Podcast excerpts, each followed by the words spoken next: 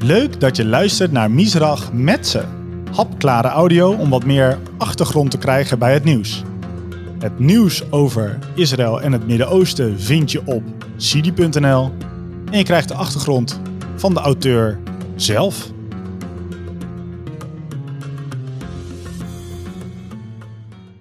Ik ben Jos Hummelen en vandaag gaan we het niet hebben over het ineenstorten van de regenboogcoalitie in Israël of over homorechten in de Palestijnse gebieden. De artikelen daarover kun je teruglezen op sidi.nl. Maar het thema wat we vandaag gaan uitdiepen is een serie van Aleida Heuvelman over de ervaring van Joodse jongeren in Nederland. Bij Metsen laten we dan altijd eerst een geluidsfragmentje horen. Deze keer hebben we gekozen voor een quote van Annemaria van Hilst. Zij is initiatiefnemer interreligieuze dialoog. Luister even mee. Ik merk dat ik best wel veel voorbeelden van antisemitisme uh, in het dagelijks leven tegenkom. Uh, sommige dingen zijn heel klein, dus dat je op een feestje bent en uh, dat iemand een grapje maakt over: Oh, je bent op huwelijksreis naar Hawaii geweest, zie je wel, alle Joden zijn rijk. Of zie je wel, jullie hebben het coronavirus veroorzaakt. Dus heel kleine grapjes als het ware, want ja, wij willen natuurlijk geld verdienen aan het vaccin. Ik droeg vroeger uh, vaak een ketting met een Davidster, maar dat is erg zichtbaar. Dus dat doe ik vanwege veiligheid uh, doe ik dat niet meer.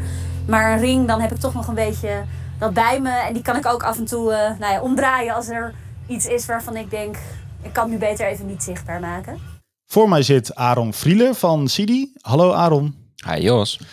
Voor mij zit ook de auteur van de vijfdelige serie Aleida. Um, Aleida, er loopt een rode draad door al die vijf stukken. Kun je die eens even uit de doeken doen?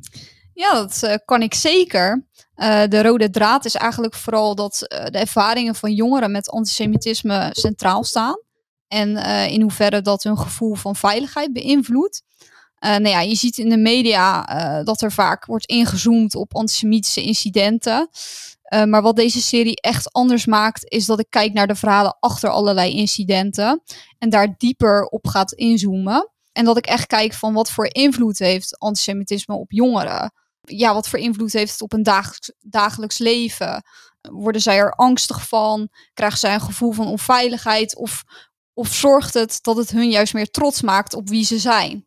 En je ziet ook dat als zoiets gebeurt, uh, dat sommige jongeren een beweging naar binnen maken. Hè? Dus bijvoorbeeld Sam werd gepest door vier islamitische jongeren.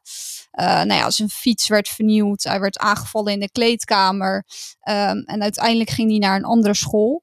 Maar ondanks zijn nare ervaring um, ging hij toch op zijn andere school met trots een Davidster dragen. En liet hij juist meer zien van, hé, hey, dit ben ik en dat is oké. Uh, terwijl andere jongeren vinden dat lastiger. Die keren juist naar binnen en die kiezen er dus voor om hè, niet een cap op te dragen of, of niet een Davidster en die te verstoppen. Ja, net als uh, de vrouw die je hoorde in, in de quote, Annemaria van Hilst. Ja, die probeert het een beetje te verbergen juist. Mm -hmm. Uit angst voor reacties. Ja, ja. Dus je ziet eigenlijk hoe jongeren ermee omgaan, dat het gewoon heel verschillend is. En dat is misschien ook hoe je opgevoed bent. De ene die, die uh, leert om er misschien wat luchtiger mee om te gaan. Uh, en de ander, uh, nou ja, vertelde ook een meisje van mijn vader was best wel bang eigenlijk voor antisemitisme. Dat heb ik heel erg meegekregen. En daardoor reageer ik daar ja, nu best wel angstiger op dan misschien zou hoeven. Omdat ik anders misschien had gezegd van hé, hey, dit vind ik niet normaal wat je zegt. En nu zeg ik eigenlijk niks. Dus je hebt uh, Joodse jongeren geïnterviewd over hun ervaringen, onder andere met antisemitisme. Is dat ja. dan ja, met name dat wat je hebt gedaan? Of heb je, heb je het uh, breder aangepakt, ook an naar andere dingen gekeken? Um, ja, ik heb gekeken, zeg maar, um, nou, op welk gebied hè, ze vooral ervaringen hebben. En daar kwam eigenlijk uit dat de meeste jongeren vooral in het onderwijs, dus op de middelbare school, ervaring hadden met antisemitisme. Hè, dus dat uh, klasgenoten soms zeiden van, hé, hey, ik wil niks met je te maken hebben, want jij bent Joods. ik heb gekeken wat het uh, invloed is van het conflict tussen Israël en de Palestijnen. Hè. Heeft had dat invloed op, ja Joodse jongeren in de klas. Mm. Nee, maar interessant. En hoeveel, hoeveel uh, jongeren heb je geïnterviewd en uh, welke leeftijden hadden ze? Eh, ik heb zes jongeren geïnterviewd. Ehm, een aantal waren rond de 16, 17, 18. En twee waren eh, boven de 20. Dus één van 24 en één van uh, 27. Ja, en dat aangevuld met uh, gesprek met verschillende experts. Hey, Aaron, dit is natuurlijk een soort kwalitatieve studie waar, waar echt verhalen uitkomen, casussen naar voren.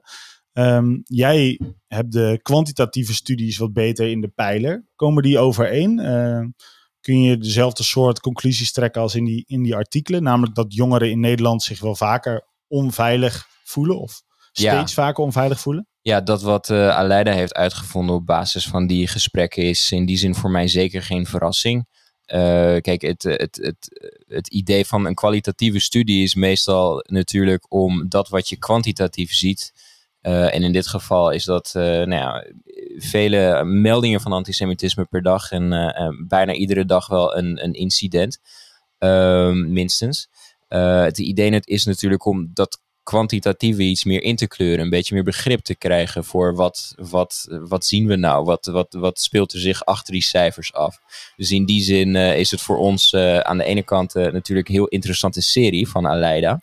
En wie geïnteresseerd is in antisemitisme en de aanpak van racisme in brede zin, of de ervaring daarvan, kan ik ook zeker aanraden om daar een kijkje naar te nemen, dat te lezen. Maar tegelijkertijd moet ik helaas noemen dat het voor mij niet zozeer verrassend is. Aleida, waarom vond je het belangrijk juist jongeren aan het woord te laten over dit thema? Ik vond sowieso het onderwerp antisemitisme heel interessant. Dus daar heb ik me ook in verdiept. En toen zag ik eigenlijk in het initiatiefnota van uh, Gert-Jan Segers en Jesiel Goes... Uh, dat jongeren buitengesloten of uitgescholden worden op school. Um, en toen kwamen volgens mij in afgelopen december kwamen er ook nog kamervragen over de veiligheid van Joodse studenten uh, op universiteiten. Nou ja, en dat vond ik eigenlijk ja, wel heel heftig om te lezen. En Mhm. omdat die jongeren ook, ja, ze zijn net zo oud als mij. Dus ik was heel benieuwd hoe zij zoiets ervoeren. En omdat het me raakte, wilde ik me ook in verdiepen. Omdat ik dacht van ja, wat, wat is hun verhaal? En uh, hoe voelen ze zich hierbij? Bij zulke soort incidenten of bij zulke soort gebeurtenissen? Je hebt een aantal jongeren gesproken. Uh, ze waren best openhartig, viel Mhm. mij op in die, in die stukken. En ze vertelden dus ook soms wel heftige dingen. In het geluidsfragment hoorde je ook uh, van die typische voorbeelden. Deze ben jij ook tegengekomen en meer. Wat deed dat met jezelf? Nou, op sommige momenten maakte het me wel verdrietig of uh, verontwaardigd. Uh, bijvoorbeeld met beveiliging. Ik kom zelf uit een gelovig nest. Uh, ik ben altijd naar de kerk gegaan, maar wij hadden geen marché voor de deur of camera's of vluchtuitgangen. Dus dat vind ik wel heel heftig. Ja, dus daar kan je je meer bij voorstellen op die manier. Ja, daar kan ik me wel nou ja, ik kan me er eigenlijk niks bij voorstellen dat het nodig is. Ik vind, ik vind het bizar dat het nodig is. Um, en ik vind dat iedereen gewoon in die zin in vrijheid zijn religie moet kunnen uitoefenen.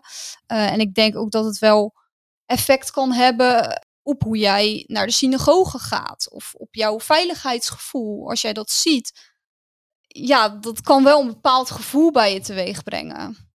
Aaron, wat, uh, wat vind je van het feit dat dan uh, Aleida uit een christelijk gezin uh, juist schrijft over dit fenomeen waar ze zelf niet direct mee te maken heeft? Is dat juist goed dat niet-Joden over problemen met Jodenhaat ja, schrijven? ik, ik vind het op een, nou ja, natuurlijk een beetje op een treurige manier vind ik het goed om dit te horen. Want dit is natuurlijk waar het in de kern over gaat. Dat je niet normaal vindt wat helemaal niet normaal is. ik denk normaler is dan die kerkervaring van Aleida zelf. Waarom zou je in hemelsnaam zoveel moeten investeren in beveiliging en dergelijke? Ja, helaas komt dat ergens vandaan. Helaas is dat toch wel nodig. En uh, zullen mensen zich niet helemaal veilig voelen als het er opeens niet is. En ik uh, denk voor veel uh, leden voor de, van de Joodse gemeenschap treedt er iets van gewenning op. En voor hen is dat misschien op, op zekere manier prettig. Je moet ook ja, toch door leren leven in uh, de situatie zoals die is. Uh, maar uiteindelijk als samenleving mogen we niet uit het oog verliezen wat normaal is, denk ik. Mm -hmm. En uh, iets anders wat me raakte, dat gaat ook over beveiliging, was dat één jongere dan bijvoorbeeld leerde hoe ze met een bom moest omgaan op kamp. Um, en ik snap hè, dat dat goed bedoeld Om die is. te ontmantelen. Ja, nee, om te leren, zeg maar, hè, stel Te je voor... herkennen van stel er is een melding en ja, dat je dan weg moet lopen en wat je dan allemaal moet doen. En ik, ik snap dat het, eh, hè, dat het goed bedoeld is. Maar jij leerde dat niet op kerkkampen. Nou, ik denk wel van wat voor impact heeft dat op jongeren als ze dat, als ze dat leren. Mhm. Ehm, en een andere jongere vertelde bijvoorbeeld van, nou, ik was een vriend kwijt en eh, die viel in slaap in de kast. En heel het kamp was in rep en roer. Omdat ze dachten hè, dat er een aanslag was of nou ja, zoiets. En die jongere zei ook van, ja, in een ander kamp zou dat niet eens een vraag zijn of er een aanslag was. Ik ben zelf ook, eh, wat jij zegt, zat vaak op kerkkamp geweest of op kamp. Ik heb daar nooit één seconde over na hoeven denken. Dus dat, dat vind ik wel, ja, dat raakt mij wel. Nou, het zijn dus vijf delen. En zo'n onderzoek, of eigenlijk zo'n serie, heeft ook een eh, conclusie. Wat is dat? Eh, nou ja, kijk, de realiteit is, is dat er nog steeds antisemitisme is en dat het soms een net onkruid is. Het komt elke keer terug. Dus kijk, wat ik me op een gegeven moment afvroeg van hoe ga je daar als jongere mee om? Hè? Ga jij, ehm, laat je je beïnvloeden door je angst en draag je geen keppel? Of durf je tegen de stroom in te gaan hè, met kans dat jij wel misschien reacties krijgt? Of ja, dus ik vraag me dan wel af waar, waar kies je voor? Ehm, maar dat is ook weer geen makkelijke keuze. Hè? Ik makkelijk praten van, ja, vanaf de buitenkant in die zin. En een ander iets. ehm, in 2019 was er een onderzoek van het Europees Bureau voor de Grondrechten. Mhm. eh, waaruit, voor, ja, waaruit kwam dat 44% van de jongeren ehm, antisemitisme meemaakte. En eh, nou ja, dat de helft eigenlijk zijn Joodse uitingen eh, verbergt. Ehm, Nederland kwam ook naar voren als eigenlijk het onveiligst. En wat ik eigenlijk kan concluderen, hè, ik kan niet spreken voor alle Nederlandse eh, jongeren in Nederland, maar ik kan wel een indicatie geven. Ik heb een aantal mensen gesproken en eigenlijk zegt de meerderheid daarvan dat ze nog steeds hun Joodse uitingen verbergen. En we zijn nu drie jaar later. En ik hoop dat over drie jaar, hè, als er weer een keer zo'n soort onderzoek wordt gedaan, hè, dat we kunnen zeggen dat er iets veranderd is daaraan. En dat jongeren eh, wel zich veiliger voelen en wel zichzelf kunnen zijn. En ook durven opstaan en zeggen, hé, hey, dit ben ik. En ja, dat heb je maar te accepteren. Hoe kijk jij ernaar, Aaron, eh, die, die kwestie van het, het Jood zijn laten zien of, of juist niet? Bij CD hebben de actie gehad, eh hashtag Keppel op. Ja. Ja, dat was een heel leuke. eh, tenminste, dat was natuurlijk ook naar aanleiding van iets heel slechts. Namelijk dat een, eh, een, een antisemitisme-coördinator in Duitsland had geopperd van... Nou, Joden kunnen maar beter eh, dat soort dingen verbergen, keppeltjes en dergelijke, in bepaalde wijken, weet je wel. Nou, dat vonden we zo belachelijk dat, dat een overheidsfunctionaris dat dan tegen de Joodse gemeenschap in Duitsland zei. Dat we naar aanleiding daarvan een demonstratie hadden georganiseerd. Uh, wat trouwens uh, een, een, op, een opvallend positieve draai kreeg in uh, veel delen van Nederland. Dat vond ik leuk om te zien. Mensen die zeiden van ja, Jotem, keppeltje op, weet je, leuk.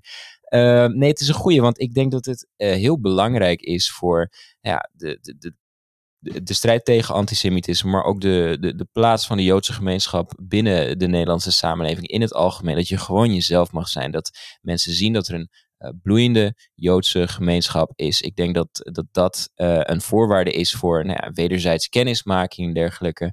En dat uh, antisemitisme hopelijk niet een probleem meer hoeft te zijn. Maar een voorwaarde daarvoor is natuurlijk wel dat Joodse jongeren zich überhaupt veilig voelen. En dan komen we terug op een, een lastige vraag. En dat gaf Aleida al aan. Het is natuurlijk onmogelijk om vanuit onze positie, zelfs vanuit mijn positie eigenlijk, te oordelen van ja, is het nou terecht om angstig te zijn?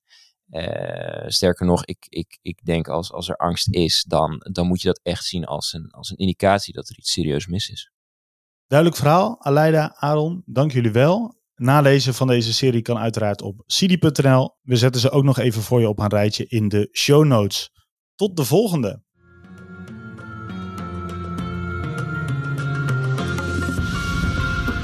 Smaakt dit naar meer? Via dit kanaal wordt ook het hoofdgerecht, misrach, uitgeserveerd. Deze podcast is langer en iets lastiger te verteren, maar minstens zo interessant. Hou ons dus in de gaten en raad misrach aan in je omgeving. Bedankt!